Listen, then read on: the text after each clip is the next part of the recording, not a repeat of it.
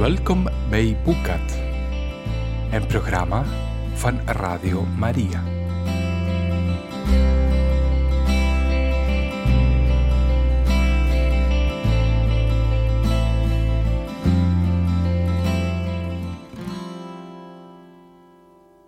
Welkom, beste luisteraars, voor een nieuwe aflevering van Boekat. We lezen vandaag uit het boek van Tessa Afshar, schrijfster aan het Perzische Hof. Het paleisprotocol volledig negerend stamelde ik: Wat? Hij zegt dat je ruimschoots tijd hebt gehad om van je verwondingen te herstellen en dat ik je zonder omhaal naar hem toe moet sturen. Waarom? Damaspia strekte haar voeten. Hoe hard ben jij op dat hoofd gevallen, meisje? Je bent zijn vrouw. Wat gaat u doen, majesteit? Je naar hem toesturen en wel onmiddellijk. Ik steek mijn neus niet in zaken die tussen een man en zijn vrouw spelen. Elke aristocraat van hier tot Bactria zal, als ik zoiets doe, nog feller in opstand komen dan in de dagen van koningin Vastis ongehoorzaamheid. Ze wapperde met haar lange handen vol juwelen, alsof ze de lucht bijeen probeerde te vegen. Hup, op naar je man, als een gehoorzaam klein vrouwtje. Een moment lang keek ik haar met open mond aan. Ze had haar neus, zolang ik getrouwd was, in de zaken tussen een man en zijn vrouw gestoken. Mijn schouders zakten bij het besef dat het geen enkele zin had de koningin erop te wijzen hoe inconsequent ze was. Ja, majesteit. Ik besloot Pari mee te nemen bij mijn terugkeer naar ons verblijf. Ze kon er niet blijven, want de ruimte was te klein om ook haar nog onder te brengen. Maar ik wilde dat ze bij het eerste weerzien bij me was. Misschien kon haar aanwezigheid de ongemakkelijkheid van die eerste ontmoeting wat wegnemen. Een grotere lafaard was aan deze kant van de Nijl niet te vinden. De gedachte Darius weer in de ogen te moeten kijken vervulde me met angst. Wat was in die man gevaren? Dat hij me liet ontbieden. Hij had blij moeten zijn dat hij zonder al te veel gedoe van me af was gekomen. Dat was immers wat hij wilde, voor Thijsbus zijn leven zo ingewikkeld had gemaakt. In Arthas plaats bewaakte nu een andere man Darius' deur. Ik herkende hem van de lange rit naar Ekbatana en knikte ter begroeting. Meres, is heer Darius binnen? Ja, meesteres, hij verwacht u. Meres opende de deur met een klopje en sloot hem achter ons zodra we binnen waren. Darius draaide zich om om ons te begroeten. Hij was gekleed voor de jacht, in een leren broek en een korte tuniek met mouwen die met ijzeren schubben bedekt leken te zijn. Het was deprimerend dat enkel de aanblik van die man mijn gevoelens alweer nieuw leven inblies. Ha, mijn spijbelende echtgenote keert terug, eindelijk. Ik zie dat we u storen op weg naar de jacht, heer. Laat ons u niet langer ophouden. Ik wees naar zijn jachtuitrusting. Met een droge grijns zei hij: Helemaal niet. Ik kom net terug van de jacht. Oh. Vervolgens negeerde hij mij volkomen en ging voor Paris staan. En hoe was jouw reis naar Ekbatana, Parisatis? Ik keek hem verbluft aan. Hoe kende hij haar volledige naam? En waarom wilde hij haar opeens om zijn vinger winden? met een charme waarmee je een ijsberg nog tot smelten kon brengen. Zijn hartelijke begroeting, de manier waarop hij haar zijn volledige aandacht schonk en zijn respectvolle hoffelijke gedrag veranderden Pari in één klap in een fan voor het leven. Het was heel plezierig, heer. Dank u wel voor de extra zorg die u aan onze reisomstandigheden hebt geschonken. Blij te horen dat je een prettige reis hebt gehad. Je meesteres is vol lof over je. En ik heb me laten vertellen dat je tijdens haar ziekte erg goed voor haar hebt gezorgd. Paris' gezicht kreeg de kleur van de rozen in de koninklijke rozentuin. Het is niet moeilijk voor mijn meesteres te zorgen. Toch wil ik je ervoor bedanken. Hij gaf haar een strook perkament, die hij van tevoren al klaar moet hebben laten maken. Hier is een extra maandrantsoen tarwe voor je. En een lam. Je kunt ze naar je familie laten sturen, met mijn complimenten. Paris' wenkbrauwen stonden nu zo hoog op haar voorhoofd dat ze er bijna van afrolde. Mijn dank is groot, heer. Nooit eerder heb ik zo'n genereus geschenk gekregen. Het is verdiend, Pari. En je mag de rest van de dag vrijnemen. Als je meesteres je nodig heeft, laten we je wel ontbieden. Nog voor ik iets had kunnen inbrengen of mijn wensen kenbaar had kunnen maken, was Pari al verdwenen. Daar ging mijn menselijke schild. Darius liet zich op de bank zakken. Je ziet er beter uit dan de laatste keer dat ik je zag. Ik neem aan dat je hersteld bent. Ja, dank u. Ik vermoedde dat hij zich tijdens mijn verblijf in de vrouwenvleugel op de hoogte had laten houden van mijn herstel. Het zou me niet verbazen als het Damaspian hoogst eigen persoon was geweest die hem die informatie had verstrekt. Hij gebaarde naar de bank. Alsjeblieft, ga zitten. Hij nam zelf al zoveel ruimte in dat ik ongeveer bij hem op de schoot zou moeten gaan zitten. Ik blijf liever staan. Ik sta erop. Ik liet me op een kleine poef voor hem zakken, de enige andere zitplaats in de kleine ruimte. Je vertrek was nogal overhaast, zullen we maar zeggen. Misschien kun je dat toelichten. Ik heb een briefje achtergelaten. Darius schoof een lang been op de bank en liet zijn voet aan het uiteinde bungelen. Zo'n ontroerend briefje ook. Ik had gehoopt dat je bij een dergelijke beslissing met mij zou overleggen. Hij bestudeerde me met een berekenende blik. Onder de ogenschijnlijke uiterlijke rust borrelde een woede die hij maar met moeite onder controle wist te houden. Mijn plotselinge vertrek had zijn trots gekrenkt, besefte ik nu. Ik ging ervan uit dat u me niet zou laten gaan als ik het persoonlijk vroeg. Je bent eerlijk, dat moet ik toegeven. Leg me nou eens uit waarom je vertrokken bent. Ik zei al. Dat u je door vrouwen wilde laten verplegen, dat weet ik. Daarom liet ik je ook gaan, bereid je je zedigheid te gunnen. Maar er speelde meer dan alleen je betamelijkheid.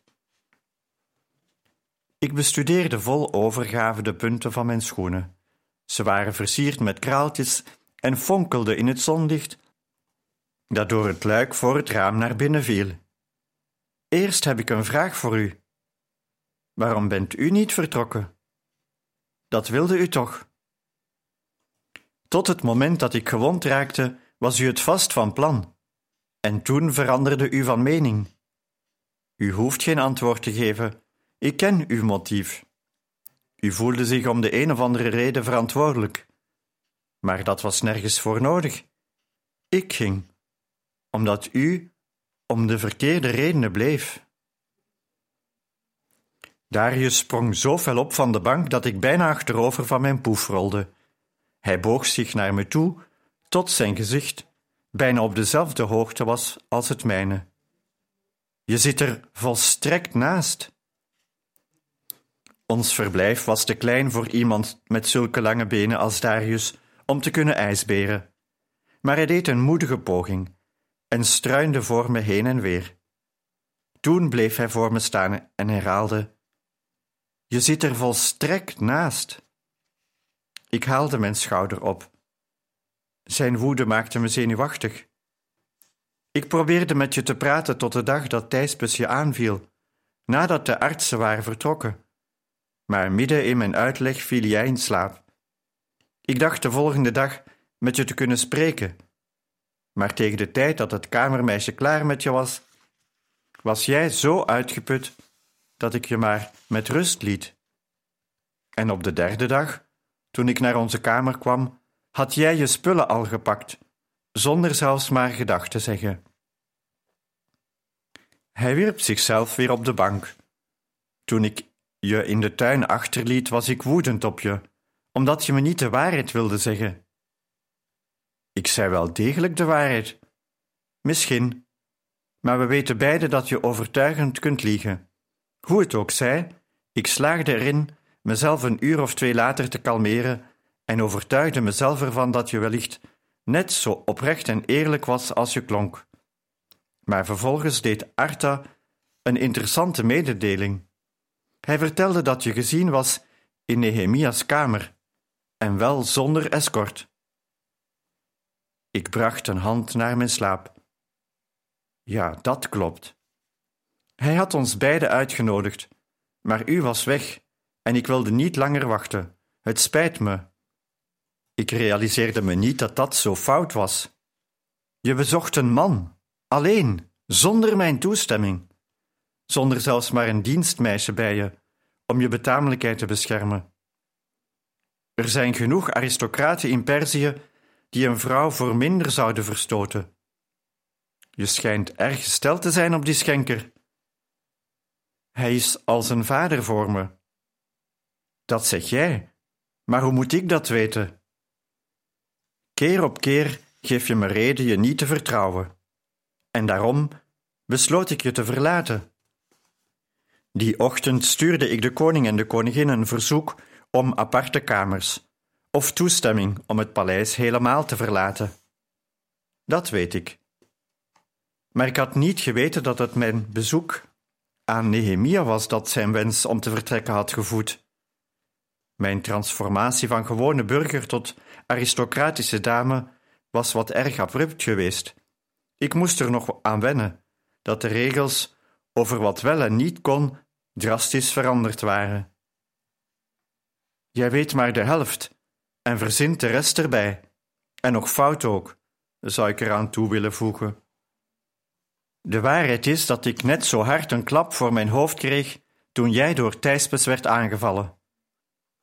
Toen ik die op plek opliep en zijn mes uit jouw borstkas zag steken, stond mijn hart bijna stil.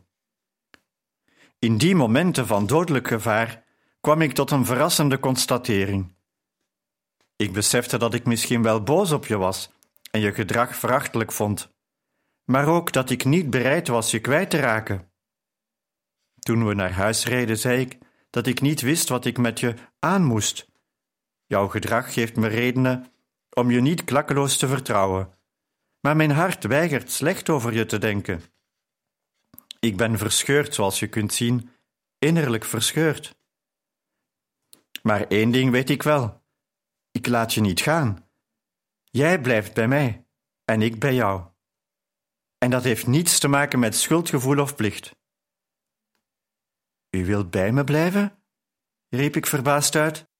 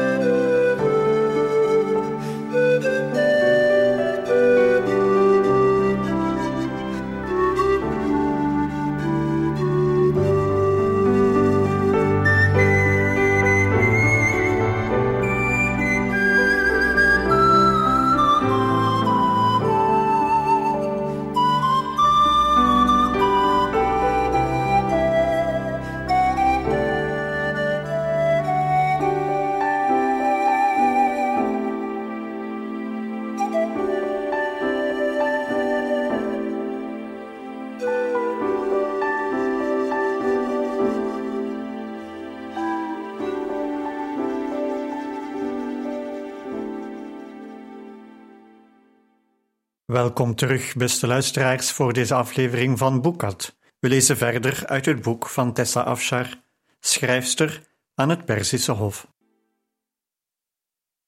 U wilt bij me blijven? riep ik verbaasd uit. Ik herhaalde zijn woorden in mijn hoofd, probeerde ze te bevatten. Met een sardonische klank in mijn stem vroeg ik: U wilt tegen beter weten in bij mij blijven? Zijn grijns paste bij de klank van mijn stem. Ik wil je genoeg om de gok te wagen, ja. Ik weet dat je me wilt, dat heb je mezelf verteld. Ik deed niet de moeite om dat te ontkennen. Hij zou me in mijn gezicht hebben uitgelachen. Vooralsnog was zijn bizarre vorm van hofmakerij meer een collectie sarcastische beschuldigingen dan een romantische verklaring. Hij nam het woord liefde niet in de mond en bood me evenmin vertrouwen. En toch, ergens diep van binnen, begon mijn verslagen hart opeens juichend op en neer te springen. Hij wil mij, hij wil mij. Zo behoedzaam als mijn hart het toeliet, zei ik: Zonder vertrouwen zal het bij de eerste de beste tegenslag misgaan. Darius draaide zijn perfecte profiel naar me toe. De vleugels van zijn kaarsrechte neus verraden zijn emoties. Meer kan ik er niet van maken, Sarah. Nog niet zo heel lang geleden ging ik ervan uit dat hij me zou verlaten. Wat zijn voorwaarden nu ook waren, het was meer dan ik had verwacht. Ik maakte een onhandig knikje met mijn hoofd ten teken van mijn instemming. Hij slaakte een nauwelijks hoorbare zucht van verlichting. Op één voorwaarde. Ik wil dat je me belooft dat je met me praat als er problemen tussen ons zijn. Er wordt niet meer weggelopen. Er worden geen onbegeleide bezoekjes meer aan mannen gebracht. Er zijn geen geheimen meer. We bespreken onze meningsverschillen. Je moet me zeggen wat er in dat hoofdje van je omgaat ik kan niet blijven gissen wat zich daar afspeelt. Ik schoof ongemakkelijk heen en weer op mijn poef. Ik beloof het, als u mij iets belooft. Beloof me dat u redelijk zult zijn als ik u om iets vraag. Dat beloof ik helemaal niet, want ik ken jouw idee van redelijkheid en dat is hoogst onredelijk. Ik slikte een glimlach in. Ik heb een beter voorstel. We spelen een ronde backgammon en de winnaar krijgt zijn belofte. Idee? Darius leunde naar voren. Doen we. Ik was meer dan bedreven in het spel en hoefde niet eens meer punten bij te houden. Ik kon precies bedenken wat welke dobbelsteenworp me zou brengen. Ik won drie keer op rij. Tot Darius me opeens begon te verslaan. Het was deels geluk, maar hij had ook een goede strategie en gooide in één ronde meer dubbelen dan ik in drie. Volgens mij krijg ik mijn zin, grijnsde hij, toen hij me uiteindelijk versloeg. Hoe ongebruikelijk. Niet eromheen draaien, beloof het me. Ik beloof het, heer, geen geheimen meer. Die avond dineerden we in ons verblijf. De wapenstilstand die hij tussen ons had weten te smeden, voelde als een warme deken. Voor het eerst geloofde ik dat hij van mijn gezelschap genoot.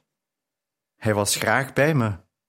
Hij lachte ontspannen in mijn aanwezigheid en vroeg zonder enige neerbuigendheid bij een aantal belangrijke zaken naar mijn mening. We zaten net aan een pistachecake met honing, een nieuw recept van een van de hofkoks, toen we gestoord werden door de komst van een stoffig ogende boodschapper. Het is van mijn vader, zei Darius, terwijl hij het bericht las. Alles in orde? Ja, maar ik moet een aantal dringende zaken afhandelen. Het duurt wel een paar uur. Blijf maar niet op. Ik was zowel opgelucht als teleurgesteld over zijn vertrek. Er was in korte tijd zoveel gebeurd. Ik kon er nauwelijks bij hoezeer de gevoelens van mijn man voor mij waren veranderd. Eigenlijk moest ik Thijspes dankbaar zijn. Het was de aanblik van diens mes in mijn borstkas geweest die ervoor gezorgd had dat Darius van mening was veranderd. Zelfs het duister op aarde had zijn reden. Die avond liep mijn gebed over van dankbaarheid. Ik dacht aan de manier waarop God het de gebeurtenis gestuurd had en hoe onverwacht de uitkomst was geweest van veel van die vreemde kronkelingen en gebeurtenissen van de afgelopen weken. Ik begreep zijn handelen niet, maar ik begon hem elke dag meer te vertrouwen. Ik dacht aan de woorden die ik ooit tegen Nehemia had geuit, dat ik zijn vermogen fouten te maken eerder vertrouwde dan Gods vermogen zijn plannen te doen slagen. Wat wist ik weinig van Gods kracht, en nog minder van zijn liefde, als ik dacht dat menselijke zonden en fouten zijn ultieme plan omver konden werpen. Toen het tijd werd om te gaan slapen, besloot ik Darius het enige te schenken wat ik kon schenken: zijn bed. Ik kroop onder de deken van het matras in de kleine alkoof waar hij had geslapen toen ik in de kamer verbleef. Ik wilde dat hij die avond het goede bed kreeg. Ik wilde zo graag een goede echtgenote zijn voor mijn man. Als ik dan niet aan mijn liefde voor hem kon toegeven, dan kon ik op zijn minst mijn genegenheid tonen door goed voor hem te zorgen. Ik sliep al bijna toen hij terugkeerde. Tot mijn verbijstering tilde hij de deken op en kroop naast me. Ik zat recht overeind. Wat doet u nu? piepte ik. Ik kom bij je liggen. Het begon me opeens te dagen. Hij zag mijn aanwezigheid in zijn bed als een uitnodiging. Ik moest wel net zo brutaal lijken als de courtisanne die ik een tijdje geleden gespeeld had. U denkt dat ik hier ben gaan liggen. U denkt dat ik probeerde om. Oh nee, ik wilde alleen maar dat u in het grote bed kon slapen. Ik slaap in mijn eigen bed. Ook goed. Ik rolde naar de andere kant van het matras en struinde naar het grote bed. Met driftige bewegingen begon ik lakens en dekens los te trekken, deed een stap achteruit en stuitte opeens tegen solide massa. Naar adem happend draaide ik me om en stond oog in oog met een muur van spieren. Heer, mijn naam is Darius, dat weet je best. Ik sloeg mijn armen over elkaar. De herinnering aan de laatste keer dat ik zijn naam had gebruikt, kroop tevoorschijn uit de krochten van mijn herinnering en liet een vieze smaak na in mijn mond. Dat weet ik wel, maar u zei zelf dat we niet te familiair moesten worden. Darius pakte mijn armen beet, wrikte ze los en trok me in een snelle beweging naar zich toe. Les 1. Je praat te veel. Hij trok me nog steviger naar zich toe. Zonder enige waarschuwing belandden zijn lippen op de mijne. Mijn ogen werden groter. Les 2, fluisterde hij toen hij mijn kin optilde. Sluit je ogen als ik je kus. Hij sloeg een hand om mijn middel en tilde me omhoog. Met vederlichte kussen sloot hij mijn ogen voordat hij me weer op mijn mond zoende. Les 3, zei hij met een heese stem, terwijl hij zijn hoofd hief. Kus me terug, zo en zo. Toen hij stopte, was ik bijna vergeten hoe ik moest ademen. Hoeveel lessen zijn er? vroeg ik met een iele stem. Hij lachte een diepe lach. Dat laat ik je zien als je mijn naam zegt. Darius, fluisterde ik braaf. Ik werd wakker met het gekwetter van de mussen bij zonsopkomst. Darius lag naast me te slapen, zijn uitgestrekte lijf nam het grootste deel van het bed in. Bleke zonnestralen deden zijn gezicht oplichten. In zijn slaap waren zijn scherpe trekken niet zo scherp meer. Zijn lippen, anders zo gebeeldhouwd, misten een harde lijn. Ik herinnerde me hoe ze die nacht aan hadden gevoeld en draaide me om om uit bed te klimmen, gegeneerd over mijn eigen gedachten. Een hand vouwde zich om mijn arm en trok me terug. Waar gaan we naartoe? Je moet mijn toestemming vragen om uit bed te mogen, wist je dat niet? Ik snoof verontwaardigd. Nee. Hij knikte. Echt waar? Normaal gesproken, als Damaspia haar neus niet in je leefomstandigheden zou hebben gestoken, zou je naar mijn slaapkamer zijn ontboden. En je zou daar blijven totdat je door mij weer wordt weggestuurd. Ik trok het laken strak om me heen. U bent van plan een tyrannieke echtgenoot te worden, zie ik. Darius klopte de kussens achter zich op en liet zich er tegen zakken. Ik informeer je alleen maar over de aristocratische etiketten. Mijn mond werd droog en de lol die we de afgelopen uren hadden gehad begon te verbleken. In de privacy van deze kleine kamer was het niet zo moeilijk hem als mijn man te zien. Maar er zou een dag komen, en wellicht al snel, waarop ik hem zou moeten gaan delen met anderen. Ik zou komen en gaan, wanneer het hem uitkwam, als een van zijn vele vrouwen. Wat is er? Je kijkt opeens zo somber. Ik schudde mijn hoofd. Je hebt beloofd geen geheimen voor me te hebben. Dit is geen geheim, het is een gedachte. U kunt niet verwachten dat ik elke gedachte die door mijn hoofd schiet met u deel. Dat doe ik wel. En ik heb dat recht eerlijk gewonnen, weet je nog? Vertel me nu maar waarom mijn bruid opeens verdrietig is. Je mag mijn bed ook zonder mijn toestemming verlaten, als het je zo stoort. Doe wat je wilt, het kan me niet schelen. Ik deed een vergeefse poging te glimlachen. Dat is genereus van u. Maar. Hij liet niet los. Jarenlang had ik me met alarmerende regelmaat eraan schuldig gemaakt mijn mond te openen en mijn gedachten alle ruimte te geven zonder eerst na te denken. Maar gevoelens, dat was een ander verhaal. Die hield ik voor mezelf. En nu was hier opeens een man wiens mening meer voor me betekende dan ieder anders mening, en die man bleek geen genoegen te nemen met dat schild waarachter ik me zo graag verschool.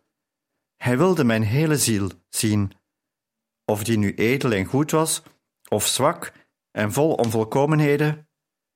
Ik kon de gedachte dat hij mijn onzekere hart zou zien nauwelijks verdragen. Hij zou erom lachen, mij uit kunnen lachen. Tegelijkertijd wist ik wat God van me verlangde. Hij die verlangde naar de waarheid in het diepst van mijn ziel, zou willen dat ik mezelf in al mijn kwetsbaarheid aan mijn man toonde. Ik moest me overgeven aan zijn vergiffenis en acceptatie, wat Darius ook van me mocht denken. Ik opende mijn mond en sloot hem weer, toen er niets uitkwam. Ik schraapte mijn keel en dwong mijn stem te doen wat ik wilde. Ik dacht eraan hoe anders mijn leven over een tijdje zal zijn. U zult wederom trouwen, en ik zal moeten leren u met anderen te delen.